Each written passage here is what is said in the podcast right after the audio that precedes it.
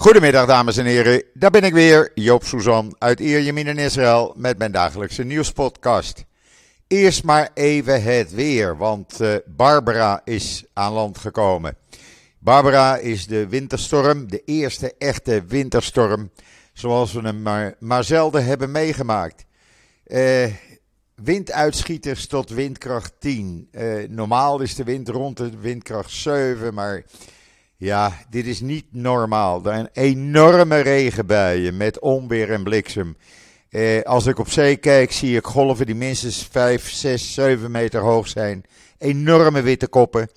En ja, gedurende die storm, als die uitschieters er zijn en de regen met bakken naar beneden komt, valt de stroom regelmatig uit. Ja, dat is in Israël niets bijzonders. Uh, de meeste elektriciteitskabels zijn boven de grond uh, gemaakt. En uh, ja, dan valt het uit. Gelukkig wordt het vrij snel hersteld.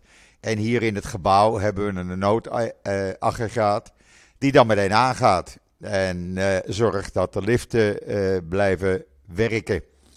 Maar ja, we moeten er even doorheen. Het wordt nog erger in de loop van de middag en avond. En morgen ook nog. Uh, daarnaast zou het iets minder worden, alhoewel het koud blijft voor Israëlische begrippen. En volgende week, ja, zegt men, wordt het nog een slag erger. Maar goed, we zullen het gaan meemaken. We moeten er even doorheen. Over een paar weken uh, breekt het voorjaar aan en uh, daar verheugen we ons op natuurlijk. Maar dit is niet normaal. Het doet je beseffen hoe beperkt alles is. Dat niet alles automatisch is. Eh, dat elektriciteit niet vanzelfsprekend is, dat het zomaar kan uitvallen. En eh, ja, daar moet je aan gewend zijn. Eh, nou, na 23 jaar eh, Israël heb ik het eh, regelmatig meegemaakt. Eh, ik heb al bij een van de kinderen een paar jaar geleden gezien. Daar viel in de buurt de stroom zodanig uit dat ze een week lang allerlei noodaggregaten in de straat hadden staan. Op vrachtwagens om te zorgen dat de buurt toch nog een beetje stroom had. Uh, dat is nou eenmaal uh, het Midden-Oosten, zullen we maar zeggen. Het mag dan een high-tech land bij uitstek zijn. Maar ja, als er windkracht 10 staat, dan kan de stroom er dus uitvallen.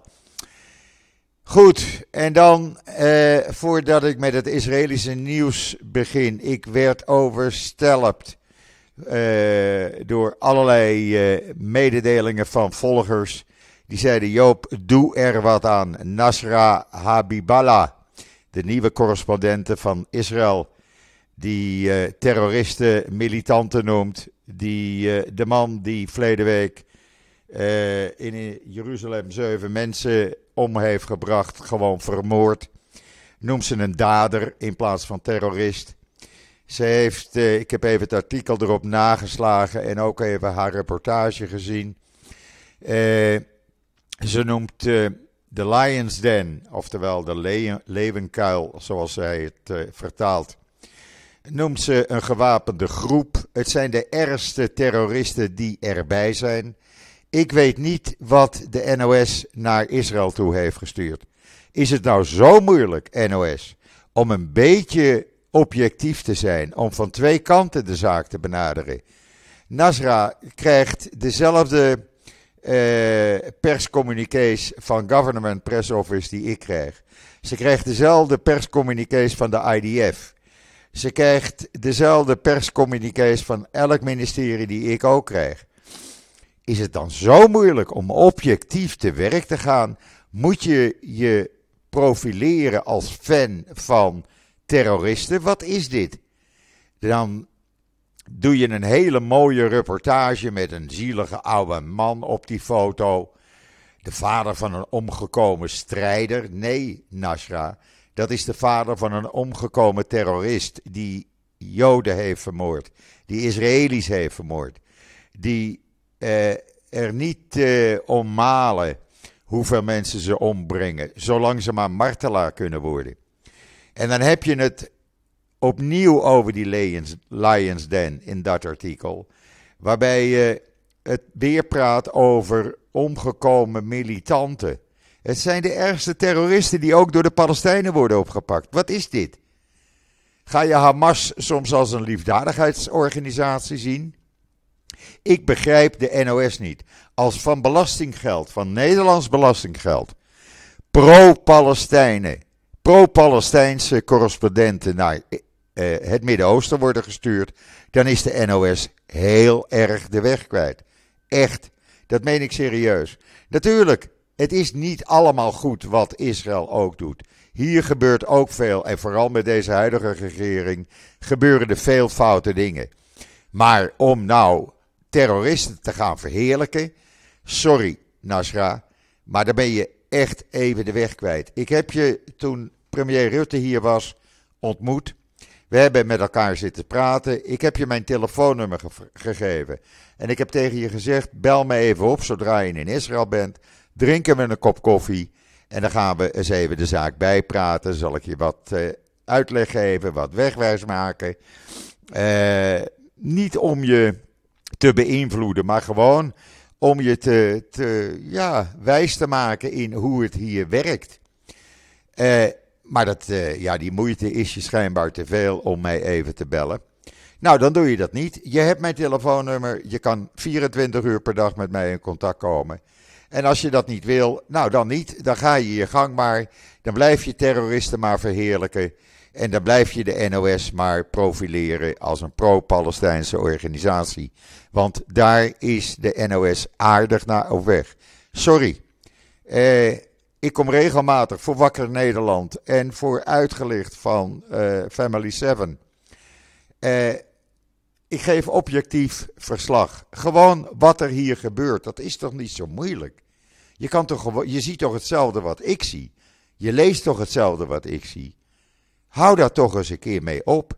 En ik vind dat iedereen zoveel mogelijk moet protesteren bij de NOS. En anders bij het ministerie eh, wat, eh, waar de NOS onder valt. Want het is wel belastinggeld wat gebruikt wordt om Nasra Habiballah te betalen. Het is jullie belastinggeld. En als jullie daar verzet tegen in gaan brengen, dan moet de NOS wel anders gaan piepen. Ik zou wat actie gaan ondernemen. Goed, ik ben dat even kwijt. Nou ja, even kwijt. Het zit maar hoog. Het zit maar hartstikke hoog. Maar goed, uh, er is ook in Israël nieuws. En uh, daar ga ik eerst mee beginnen, voordat ik over het vrees, de vreselijke ramp in Turkije en Syrië begin. Uh, de afgelopen nacht heeft de IDF was bezig om de terroristen te pakken die in verleden week een restaurant in Veret Jericho wilde ja, een aanslag wilde plegen. Op 28 januari was dat, sorry. Er zaten 30 mensen in, 30 burgers. De wapens weigerden en ze vluchtten zo snel mogelijk weer richting Jericho. De IDF kwam erachter waar ze zaten. Ze hadden zich verscholen, ondergedoken in een appartementengebouw in het Akabat Jabberkamp. Men ging daar naartoe. Men werd aangevallen door allerlei gewapende terroristen, Nasra terroristen. En eh, IDF uh, eh, schoot terug, heeft er zeven gedood en een aantal mensen opgepakt, waaronder een hoge Hamas-leider. Je kan het hele verhaal lezen in israelnieuws.nl en ik raad Nasra aan dat ook even te doen. Dan weet je tenminste hoe het zit. Voor de rest heeft de IDF 13 terreurverdachten de afgelopen nacht uh, gearresteerd. In verschillende dorpen en steden, waaronder Nablus in Judea en Samaria. Ook dat kan je zien in Israël Nieuws met een video erbij. Zodat je weet hoe dat gaat. En dan heeft MDA, Mogain David Adom, de grote Israëlische medische hulporganisatie, een deal getekend met Hatzolah R uit uh, Amerika om medische helikopterdiensten hier in Israël te gaan verlenen. Die uh, vanuit het noorden en het zuiden, waarbij het hele land kan uh, worden bewerkt. En mocht het nodig zijn, dan zijn er helikopters om zo snel mogelijk de gewonden naar ziekenhuizen te vervoeren. Hartstikke goede deal.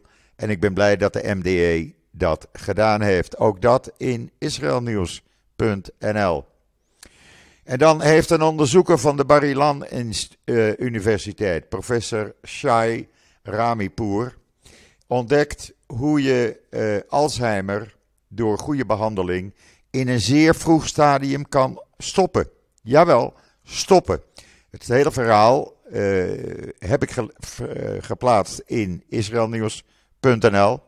Het kwam via een perscommuniqué het is een hele nieuwe aanpak wat hij van de Barilan Universiteit samen met de Canadese Université de Sherbrooke en de Université de Montréal hebben ontwikkeld. Het artikel is gepubliceerd in het tijdschrift Proceedings of the National Academy, of Science. En het belooft veel voor mensen die uh, ja, ge, geëffecteerd worden door, of uh, eigenlijk Alzheimer krijgen. Door deze behandeling is het mogelijk die ziekte, die vreselijke ziekte, te stoppen.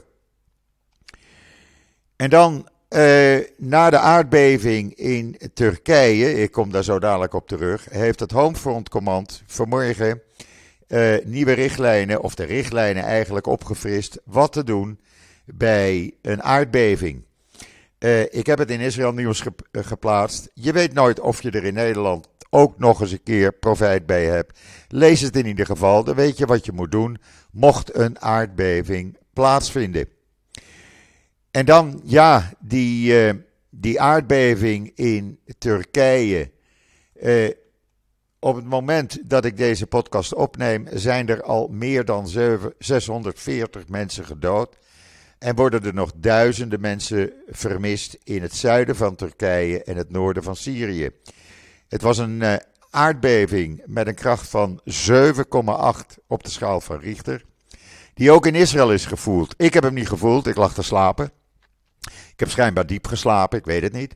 Maar uh, ruim uh, eh, 3700 mensen hebben in paniek de politie gebeld en de 101-lijn uh, om een aardbeving te melden. Het is een vreselijke ramp.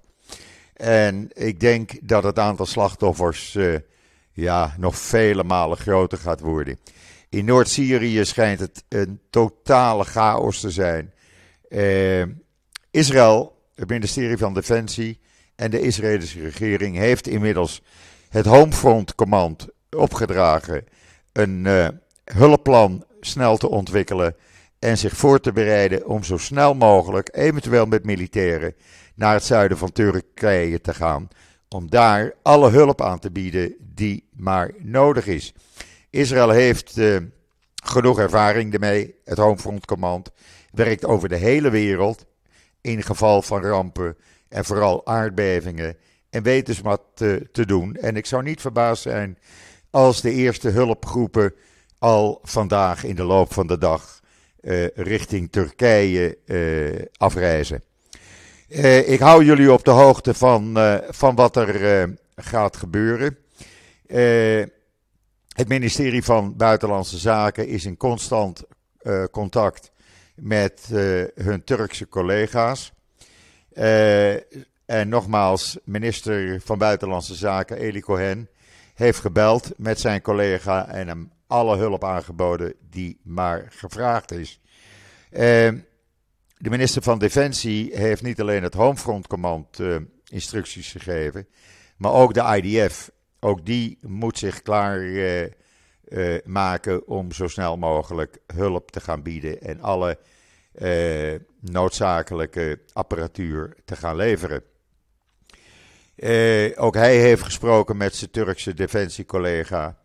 Daarnaast heeft Mashaf, de nationale hulporganisatie van Israël, die heeft al een delegatie afdoen vliegen, afdoen reizen naar Turkije vanmorgen. En United Hatzalah, de andere hulporganisatie, uh, bereidt een hulpmissie voor om zo snel mogelijk aan mensen hulp te gaan geven. Uh, ja, ook het Mogen David Adom natuurlijk is bezig. Iedereen werkt samen. En het enige wat telt op dit moment is om mensenlevens te redden en meer niet. Uh, dat moet ook zo snel mogelijk gebeuren. Uh, omdat uh, ja, des te eerder de hulp de, en mensen onder het puin vandaan kunnen worden gehaald, des te eerder le mensenlevens kunnen worden gered. En dan iets totaal anders, maar wat ik wel heel opvallend vond. Meneer Tadi Sagi, de Israëlische miljardair, onder andere van uh, al die game uh, sites. Die heeft voor de derde keer een huis gekocht in Herzliya Petuach, in de duurste straat van Israël. In Galei Tachalet Street. Als je in Israël bent, bezoek hem even. Je weet niet wat je ziet. Het is die straat die vlak bij de kust loopt, half rond.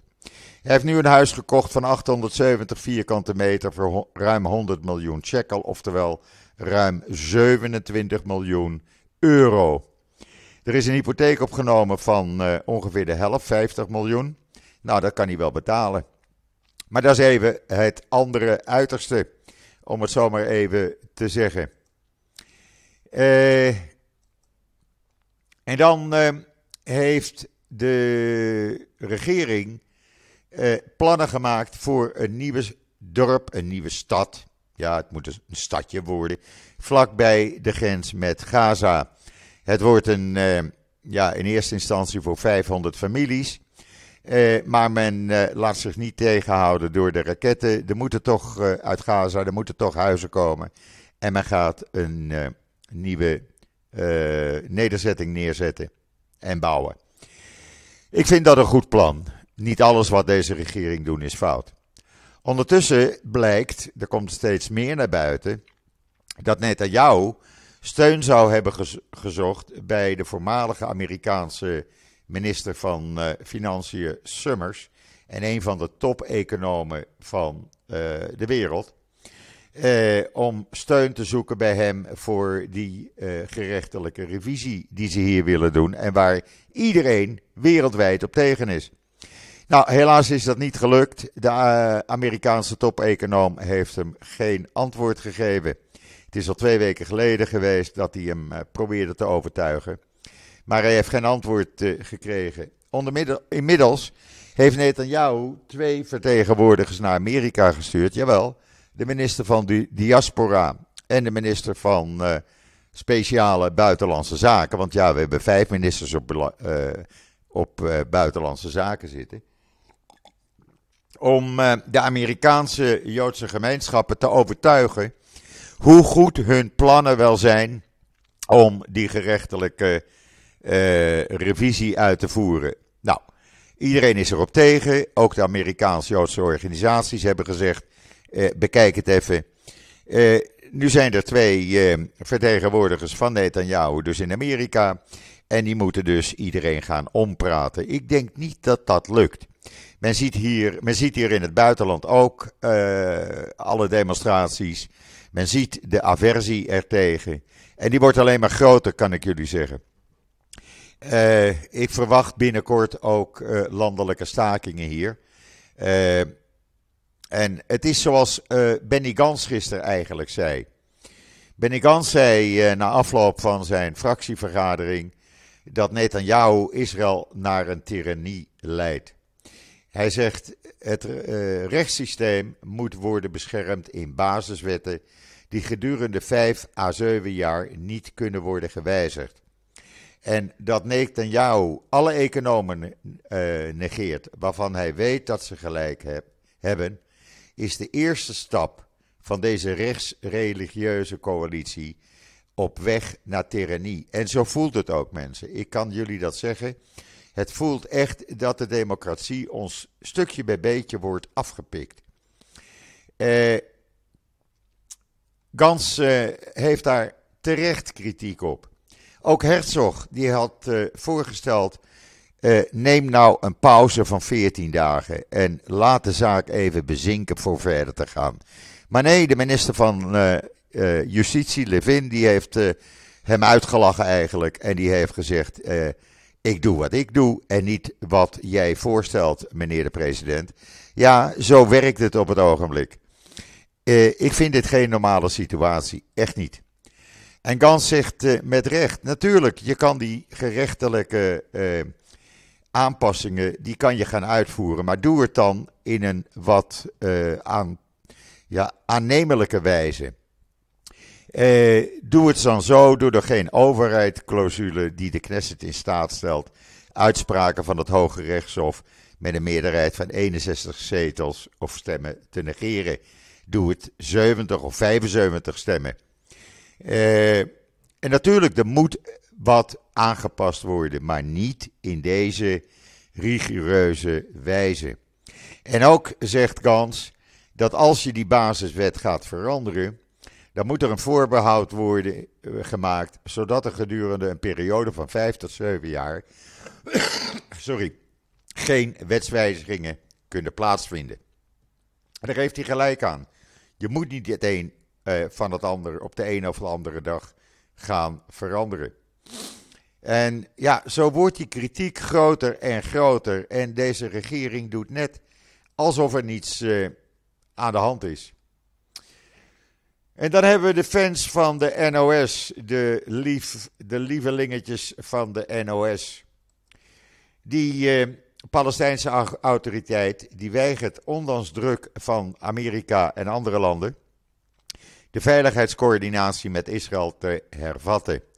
Ze vertikken het, ze werken niet samen op veiligheidsgebied. Nou, dan moet je ook maar de gevolgen aanvaarden, vind ik.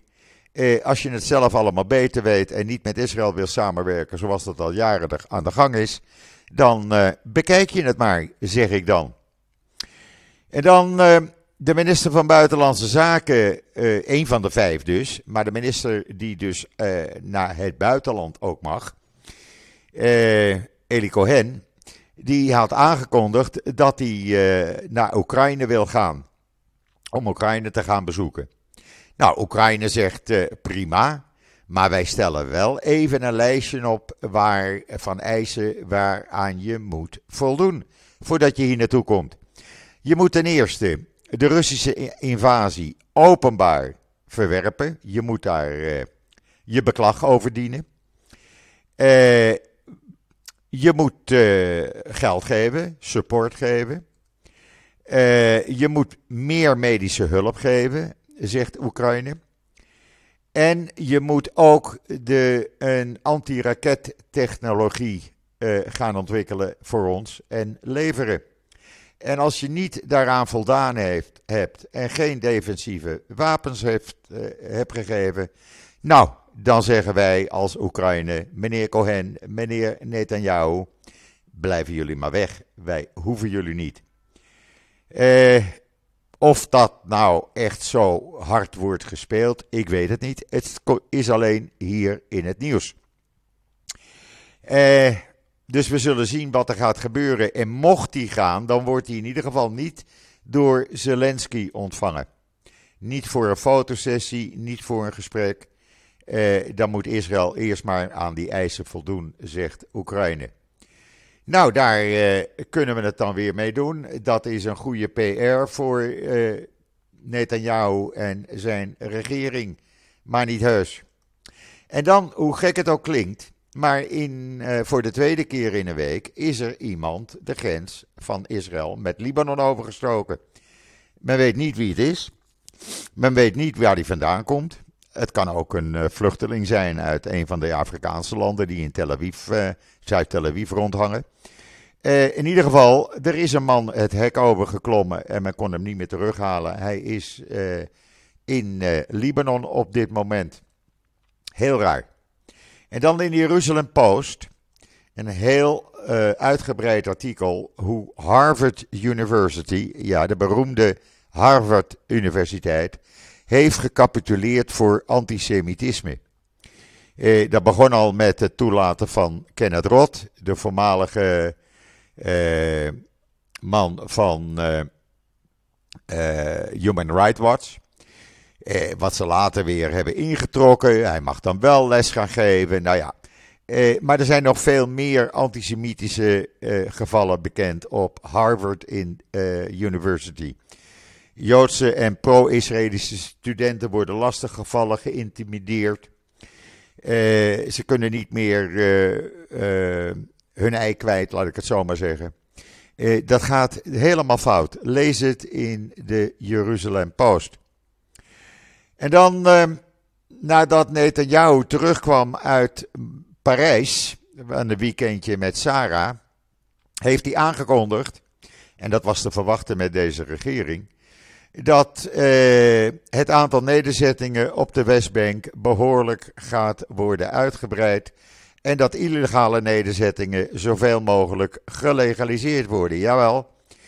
Uh, ja, dat zat erin natuurlijk. Want uh, uh, er zitten ja, die twee extremistische, rechtsextremistische partijen.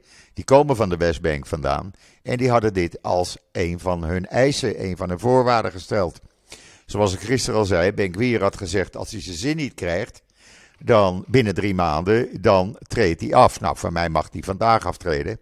Hij heeft trouwens vanmorgen weer een nieuwe eis gesteld. Er moet 14 miljard shekel, oftewel zo'n 4 miljard euro, kleine 4 miljard euro, even beschikbaar worden gesteld voor de politie. Nou, ik vraag me af waar die man dat vandaan haalt. Maar in ieder geval, dat, uh, dat heeft hij geëist. Ja, zo lust ik er nog wel eentje eigenlijk. Het zijn nogal bedragen zeg. 4 miljard euro. En voor wat? Maar goed, uh, hij eist het en we zullen zien hoe daarmee omgegaan wordt. Ondertussen worden de uh, verhoudingen tussen voor- en tegenstanders van die gerechtelijke herzieningen steeds harder. Die verharden hier. Uh, de president van het Hoge Rechtshof heeft inmiddels geweigerd vandaag voor de commissie te verschijnen. doet ze niet wat normaal gebruikelijk is. Er is ook uh, een, uh, een moment vandaag, ik geloof dat het vandaag is, ja, in de loop van de middag, waarop de president, de premier, de minister van Justitie en de Knesset bij elkaar komen. En daar ook de president van het Hoge Rechtshof bij hoort te zijn. Zij komt daar niet, zij komt wel voor de fotosessie, maar weigert te praten, want ja, zij heeft gelijk. Ze wordt gewoon apart gezet. Ze wordt buitengesloten. Ze heeft maar te accepteren wat uh, de regering bepaalt. En zo werkt het gewoon niet. Dus ja, het uh, gaat allemaal niet lekker. Maar ik blijf jullie op de hoogte houden. In tegenstelling tot Nasra en de NOS. Oh ja, en er is natuurlijk ook goed nieuws. Heel goed nieuws, althans voor Joop. Sorry. Ik was vanmorgen even gauw in de Mega, hier bij mij 100 meter vandaan. Ja, hoe deed Joop dat? Nou, het was een enorme regenbui en ik moest toch wat in huis halen uit voorzorg. Dus ik denk, ik ga even met de auto, jawel, sorry, het is asociaal. Ik heb die 100 meter met de auto gereden, ben gauw de parkeergarage ingegaan. En ben de mega ingegaan waar ik al maanden niet geweest ben. En wat kreeg ik vanmorgen te horen? Joop, je komt net op tijd. We gaan morgen sluiten. Pardon. Jawel, over zes weken opent hier de Carrefour. Kijk, en dat vindt Joop nou goed nieuws. De Carrefour, Albert Heijn zeg maar, die opent hier bij mij in de straat. Nou, wat wil je nou nog meer? Dan kan je wel zeggen van ja, en die andere kleinere supermarkten dan. Ja, we gaan het even vergelijken, kijken hoe de prijzen zijn. Maar ik hoorde al van uh, kennissen uh, uit Sigon Jacob. Hallo Robert. Uh, die vertelde mij, de prijzen zijn aanmerkelijk lager dan in de Israëlische supermarkten. En het assortiment is veel beter. Uh, bij hem in Sigon Jacob is al een Carrefour geopend. En hij is er dols blij mee. Nou, dat weten we dan ook weer. Joop moet nog even zes weken geduld hebben. Dat zal dan net voor Pesach zijn, denk ik. Half, uh, half maart, als het even mee zit. Nou, uh, ik ben hartstikke blij. Mag het ook goed nieuws zijn? Ja, dat mag Joop. Want als ik nu naar buiten kijk, dan zie ik me en weer. Mensen, je wil het niet weten. Maar goed, we komen er wel doorheen. Dit brengt mij tot het einde van deze podcast. Ik wens iedereen nog een hele fijne voortzetting van deze maandag, de 7e februari, de dag dat Barbara in Israël is gearriveerd. Ik ben er morgen weer, ijzerwederdienende, en zeg zoals altijd: tot ziens, tot morgen.